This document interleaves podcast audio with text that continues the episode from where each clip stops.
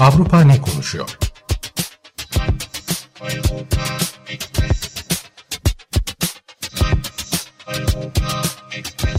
Avrupa medyasından yorumlar.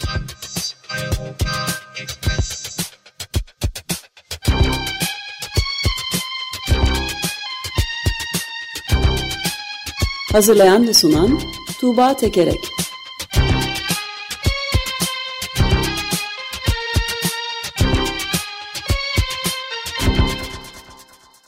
Günaydın Tuğba, merhabalar.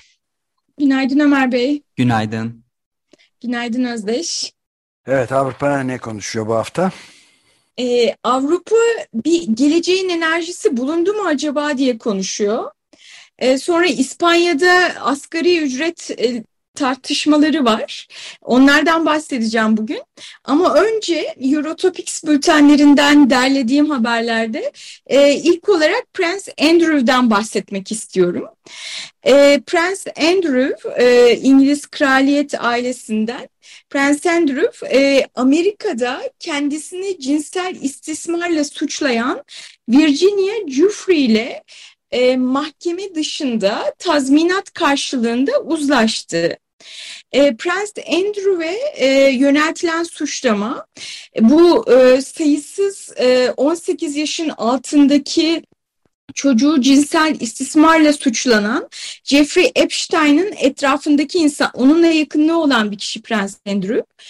E, ve bu Epstein'ın etrafındaki çocuklardan bir tanesi Virginia Giuffre 17 yaşındayken Andrew tarafından üç kez e, istismar edildiğini e, iddia ediyordu. Bunun için e, mahkemede dava açmıştı. Andrew'ün e, bu davanın reddedilmesine ilişkin başvurusu reddedilmişti. Bunun üzerine Andrew e, tüm bu meseleyi mahkemeye taşımamak ve böyle bir konuda sanık sandalyesine oturmamak için Jeffrey ile anlaşma yoluna gitti. Miktarın ne kadar olduğu açıklanmıyor ama çok yüklü bir e, meblağ olduğu söyleniyor. E, işte mahkemeye e, iletilen mektupta ma Cufri'nin mağdur hakları için mücadele eden derneği için bağış yapılacağı e, söyleniyor. E, bu mektuba göre, mahkemeye iletilen mektuba göre e, Prince Andrew e, kendisine yöneltilen suçlamalarla ilgili bir sorumluluk almıyor. Ama öte yandan e, daha önce savunmuş olduğu e, Epstein'ın e, işte seks trafiği yapan bir e, adam olduğunu, bununla bilinen bir kişi olduğunu, e, işte sayısız e, kadını istismar ettiğinin bilindiğini, kendisinin bundan dolayı pişmanlık duyduğunu söylüyor. E, ve ayrıca e, kendisini suçlayan Jeffrey ile ilgili daha önce şey söylüyordu Andrew. Ya bu istismar meselesini kullanarak bunu ortaya atarak e, kendisi kar elde etmeye çalışıyor. İşte gazetelere röportajlar vererek e, insanların hayal bile edemeyeceği gelir elde etti gibi suçlamalar yöneltiyordu. E, şimdi bundan tam bir U dönüş yaptı. E, ve diyor ki onun hani istismara uğramış bir kadın olduğunu kabul ediyorum. Jeffrey ve e, benzeri onun durumunda olan kadınların bu mücadelesini takdirle karşılıyorum e, şeklinde bir şey söyledi. Prince Andrew uzun zamandır bu olay ortaya çıktığından beri e, özellikle Britanya kamuoyunda e, çok ciddi şekilde eleştiriliyordu. E, kendisi kraliyet görevlerinden feragat etmek zorunda kalmıştı. Bu dava ile ilgili gelişmeler olunca dava kabul edilince geçen ay e, askeri ünvanları da ondan alınmıştı kraliçe tarafından. Yani bu e, bir noktada e, bu mağdurların zaferi olarak kabul ediliyor. Yani onun uz, bunu kabul etmesi bir şekilde ve uzlaşmaya varmış olması bir yandan e, mağdurların zaferi olarak kabul ediliyor. Ama bir yandan da hani mahkemeye taşınmamış olması, bunların kapalı kapılar ardında kalmış olması bir burukluk yaratıyor. E, Britanya'dan The Independent gazetesinden bir yorum aktarayım gerçekte nelerin yaşandığının artık asla ortaya çıkamayacak olması üzücü. Halkın neler olduğunu bilmeye hakkı vardı. Prince Andrew için bu muhtemelen iyi bir anlaşma. Kendisini, ailesini ve hala temsil ettiği kurumu New York'taki bir mahkemenin önüne sürüklemenin travmatik sonuçlarından kurtulmuş oldu. Günün sonunda York dükü olmaya devam edecek e, demiş The Independent gazetesindeki yorumcu. Öte yandan e, şimdiye kadar ortaya çıkanlarla birlikte Prens Andrew'un e, saygınlığının sarsıldığını söyleyenler de var. Corriere della Sera'dan bir yorum aktarayım İtalyan gazetesinden. E, buradaki yorumcu diyor ki prensin saygınlığını kazanması pek olası görünmüyor. Bütün kraliyet ve askeri ünvanları elinden alındı ve artık majesteleri ünvanını kullanması yasak. O artık gözlerden uzakta ve şüphenin gölgesi altında yaşamaya mahkum demiş İtalya'daki yorumcu da. Evet yani aslında Stephen Bates de Guardian'da yazmış aptallık ve küstahlık e, her şeyi değer verdiği her şeyi kaybetmesine yol açtı Prince Andrew'un diyor. Ee, ve ünlü muhabbet tellalı diyebileceğimiz daha iyi bir terim olmadığı için Ghislaine Maxwell'le dün yanlışlıkla Anderson dedim soyadına onu da düzeltme fırsatı bulayım buradan. e, e, ve Ghislaine Maxwell adlı kadın bizzat kadın e, buluyor genç kızları buluyor bu, bütün bu sözünü ettiğin insanlara Prince Andrew da bu şeyin içinde çevrenin içinde maalesef Donald Trump'tan başka pek çok tanıdık bazı başka Amerika yüksek yetkilileri, cumhurbaşkanlarının filan da adları geçiyor. Ama en müthiş şey 2019 Kasım'ında Emily Maitlis'e BBC'de feci baştan sona seyrettim ve saçımı başımı yolmuştum o zaman bu Prensin. Yani hiçbir alakası yok. Ben bana bunlar suç atıyorlar. Ben tanımam, etmem, gitmem, görmem filan dedi ve BBC de bir tane bile soru sormadı buna. Ne diyorsunuz sayın lordum yüksek şeyimiz York dükümüz demedi. Şimdi artık her şeyi e, kaybetmiş oldu. Parası da e, fazla olmadığı söyleniyor ama annesi o kadar zengin ki Britanya kraliçesi yeryüzünün en zengin insanlarından, ailelerinden biri ve vergiye tabi olmayan topraklarını da durmadan artırıyordu. Dolayısıyla fazla bir para kaybı olmadan bu işi halledecekler diye ben de ekleyeyim. Evet, yani BBC ile ilgili röportajı izlemedim ama o röportajın ardından e, işte herkesin e, sizin gibi herkesin saçını başını yolduğu ve herkesin e, işte sert eleştirilerine hedef olduğu nasıl savunabilir kendisini böyle e, dediği bir insan. Yani tüm bu süreçte aslında tüm bu Epstein olayının ortaya çıkartılmasında da Andrew'un bu noktaya gelmesinde de bir yandan hani medyanın ve gazetecilerin bu işin peşini bırakmamış olmasını da bence bu konuda gazetecilerin hakkını e, bir ölçüde teslim etmek lazım. E, söylediğiniz gibi Epstein'in bu e, hani ben de nasıl bir te terim bulacağımı bilmiyorum. Bu çocukları sunduğu, pazarladığı, trafiğini yaptığı insanlar arasında e, yani etrafındaki insanlar arasında sizin söylediğiniz gibi Donald Trump da var, Bill Clinton da var. E, işte uçağıyla e, uçağını bu kızları doldurduğunu ve bir takım işte nüfuzlu kişileri e, Amerikan siyasetinin önde gelen isimlerini doldurduğu ve işte bir yerlere gittiği falan söyleniyor. Bu uçağın ismi de mesela Lolita Express olarak geçiyor. Ben de böyle bir e, detay eklemiş olayım buna. Evet, offshore'da muazzam adaları falan var orada bayağı oraları yani genel ev halinde kullanıyor kendisi. Ben... Evet 18, 18 yaşından küçük kızlarla. Evet. Buradan e, İspanya'ya geçelim. e, İspanya'da sol koalisyon hükümeti e, asgari ücreti yüzde 3.6 oranında arttırarak e, aylık 1000 euro ama Haziran ve Temmuz aylarında da e, ikinci bir maaş veriliyor. Dolayısıyla aylık 1167 euroya denk geliyor. E, bin, aylık 1176 euroya çıkardı. Bu yüzde 3.6'lık artış yüksek görünmeyebilir ama 2019'dan bu yana yapılan dördüncü artış bu. E, Sosyalist Parti'nin lideri e, iktidara gelince e, zengin bir ülke fakir işçilere sahip olamaz diyerek e, asgari ücreti yüzde 22 arttırmıştı hemen ve bu dört artışın sonucunda da iki yılda yapılan toplam artış yüzde 27 e, olmuş oldu.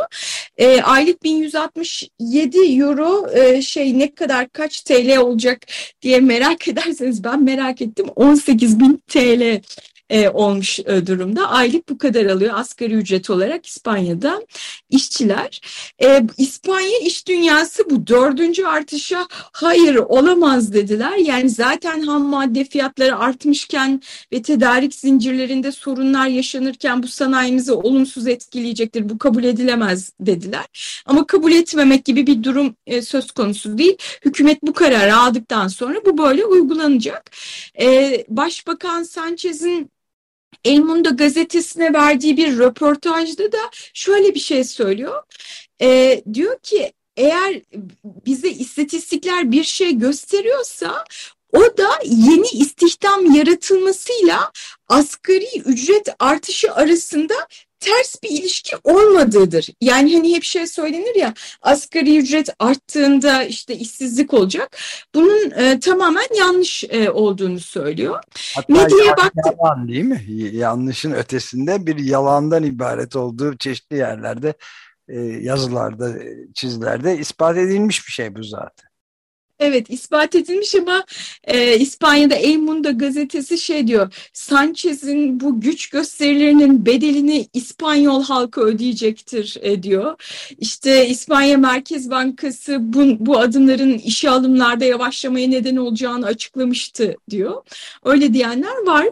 E, öte yandan Info Libre gazetesi de bunu coşkuyla karşılıyor. Diyor ki Nadal maçı ya da Oscar adaylığı gibi kutlanması gereken gelişmeler oluyor İspanya'da.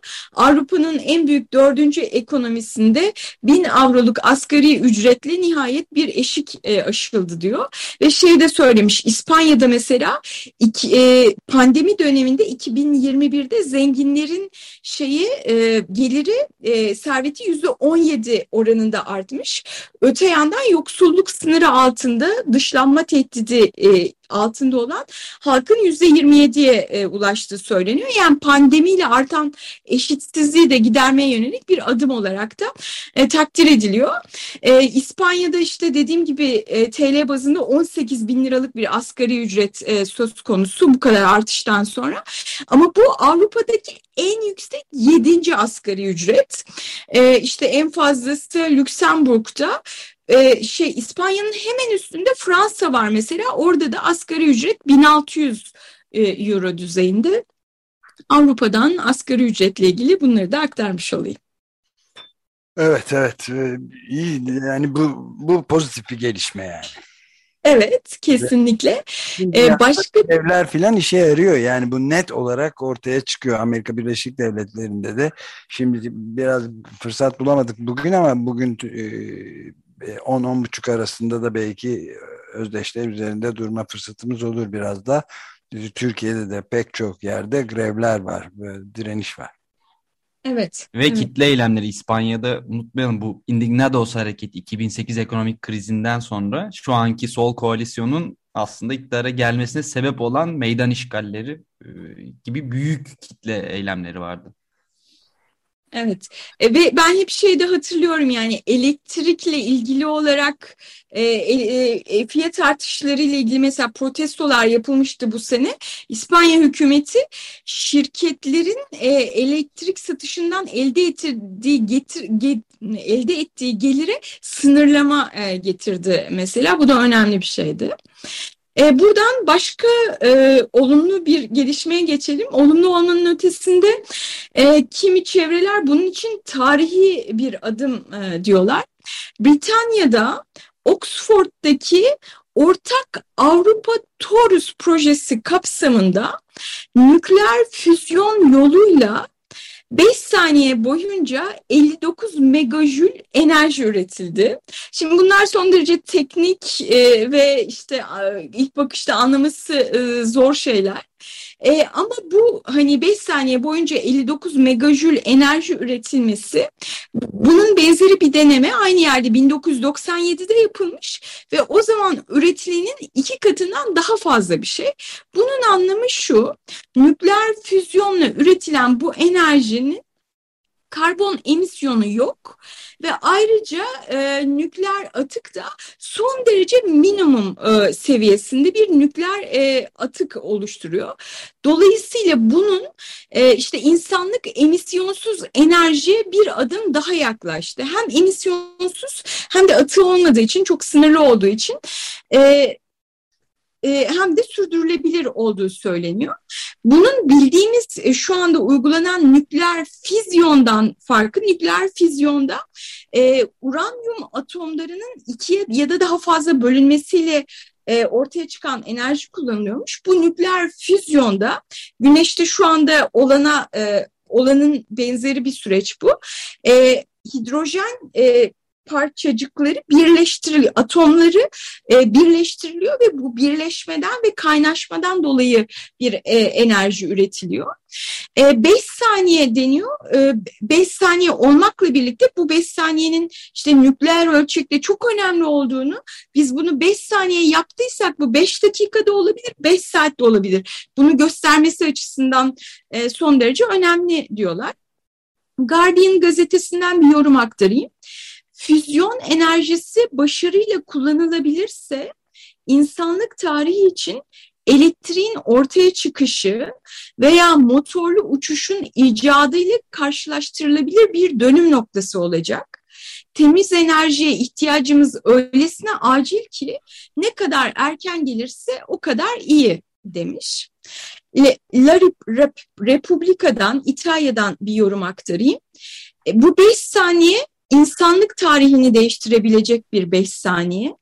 Nükleer füzyon işe yararsa bize neredeyse sınırsız ve en önemlisi de oldukça düşük karbondioksit emisyonlu temiz elektrik sağlayacak. Netice almaktan hala çok uzak olmamıza rağmen iklim ve enerji krizlerine derhal yanıt bulmamız gerekmesine rağmen İngiltere'deki tesislerde yapılan bu nükleer füzyona e, denemesi e, büyük bir adım e, diyor. Örneğin e, zamanla ilgili olarak şunu söyleyeyim. E, Fransa'da yani bu aynı yöntemi kullanarak e, Fransa'da bunun e, denemesinin yapılması üzerine bir reaktör kuruluyor. Burada bir 10 yıl içerisinde ticari olarak kullanılabilir şekilde geliştirilebileceği söyleniyor.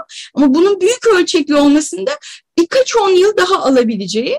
Dolayısıyla bu yüzyılın ikinci yarısında eğer işler yolunda giderse nükleer füzyonun hani dünyanın kullanabileceği bir enerji olduğu söyleniyor. İşte bu da e, karşı karşı olduğumuz iklim krizi karşısında biraz geç bir e, dönem ol, diye düşünülüyor. Ama yine de heyecanla karşılandığını söylemek mümkün. Evet. Yani başarıyla uygulanırsa bir dönüm noktası insanlık tarihini değiştirecek bu nokta büyük bir adım. Bunları e, 30 ve 60 yıl önce de e, ya aynı terimlerle yazılmıştı aynı konuda füzyon konusunda. Ben sonuncuyu vereyim. E, yani Nathan, Nathaniel Sharping 2016'da Mart'ta e, şeyde Discover dergisinde yazıyor ve diyor ki neden nükleer füzyon daima 30 yıl e, sonra gerçekleşecek? Her zaman böyle diye. Ve Bendestein, Bendestein 7X reaktöründen bahsediyor işte orada yapılmış filan. Ve e, anlatıyor senin de sözünü ettiğin işte bu gazetelerden aktardığın nükleer e, füzyon teknolojisinin neler olduğunu daima bir kutsal kase olarak görülmüş ve sunulmuştur. Ta 1920'lerde İngiliz fizikçi Arthur Eddington nükleer füzyon yani bilim kurgu yazarlarıyla beraber herkesin zihnini şey yapmıştır ve her zaman 30 yıl içinde buluyoruz ve tarihi şeyi yapıyoruz diyorlar diyor. Fakat sorun şu diyor yani her cevaba yeni bir daha fazla soru geliyor diyor. Hiçbir, hiçbir zaman bu 30 yıl şeyi aşılmadı e, diyor noktası diyor. Bu 7 sene önce ya 2016'da işte kaç 5 6 sene önce yazılmış bir yazı Mart 23 Mart'ta Nathaniel Sharping'in ama daha önce e, George Monbiot'un mesela yıllar önce 10 yıl önce 15-20 yıl önce yazdığı kitapta da bu meselenin daima 30 yıl önce 30 yıllık bir bekleme içinde olduğunu söylemişlerdi. Yani bilinmeyen problemler artıyor diyor ve senin sözünü ettiğin Tuğba yani iter e, diye bir şey var ya işte. Evet Fransa'daki nükleer e, reaktör. Evet. Ondan da bahsediyor. Bütün bu şimdiye kadarki bütün bilinenleri, füzyon hakkında bilinenleri, teknolojileri bir reaktörde toplayacak bir şey diyor. Ama ne yazık ki demiş, daha bu 2006'daki yazısında ITER de birçok gerilemeye yol açtı, uygulanamıyor. Design hataları var, tasarım hataları var ve inşaat geciktikçe gecikiyor diye 2006'da yazmış. Hatta Amerika Birleşik Devletleri kesiyorum artık fonlamayı demiş proje için. Böylesine tereddütlerden filan bahsediyor. Yani sonuç olarak insanların fantastik böyle bir e, müjdesi sürekli olarak müjde veriliyor. Ülke Türkiye'de müjdelerin sürekli verildiği ülkelerden bir tanesi. Füzyon konusunda da bütün dünyaya veriliyor.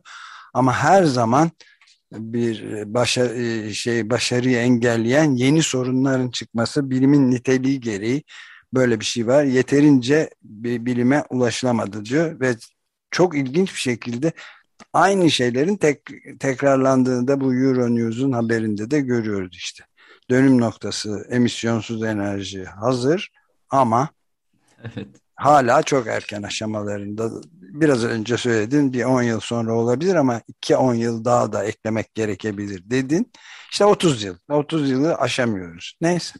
Ee, Çinliler aşmışlar. 20 yıla düşürmüşler ama. Onlar da Ocak ayında bir, birkaç hafta önce aynı teknolojinin Güneşin e, güneşteki sıcaklığın 5 kat sıcaklığına ulaştı. 70 milyon dereceye ulaştığı bir deneme yapmışlardı. Onlar çok daha başarılı. 17 dakika 36 saniye boyunca reaktörü çalıştırmışlar. Daha sonra Çinli yetkililer bir açıklama yapmıştı. Şu anda önümde haber. Bundan 5 yıl sonra diyorlar bu denemeden sonra 10 yıl daha inşa edilmesi gereken bir füzyon reaktörü inşa etmeye başlayacağız. Yani 5 yıl sonra artı 10, 15. Bu yapıldıktan sonra jeneratörü de inşa edeceğiz ve 2040 civarında elektrik üretmeye başlayacağız diyorlar. O Çinliler bayağı öne çekmişler. 20, 20 yıla düşürmüşler yani. Düşürmüşler yani. Bunu evet, ben de görmüştüm ama neyse. Yani bilemiyorum nükleer füzyonu gömdünüz ikiniz birlikte. ee, yani e, e, her, her okuduğum makale bunu söylüyor.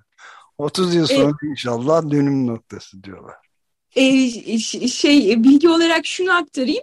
E, bu yapılan denemenin başarılı olmasının ITER, o Fransa'daki ITER reaktörünün tasarımının doğru bir adım olduğunu göstermesi açısından ne olduğu söyleniyor. Dolayısıyla hani İTER'e giden yoldayız ve doğru yoldayız e, diyorlar.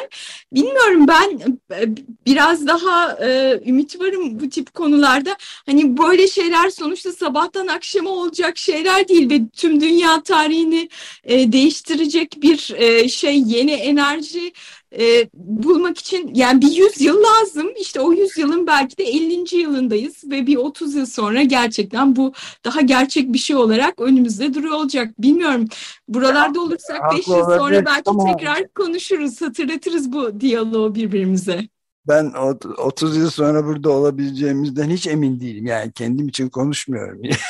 İnsan türü olarak da bazı tehlikeler var. Ama 30 yıl önce de bu işleri konuşmaya başladığımızda da 30 yıl vardı. 15 yıl önce konuştuğumuzda da 30 yıl vardı. Şimdi konuştuğumuzda da 30 yıl var. Peki, peki, peki diyelim. Ee, gelecek hafta görüşmek üzere diyorum. Eurotopics'ten bu haftalık bu kadar.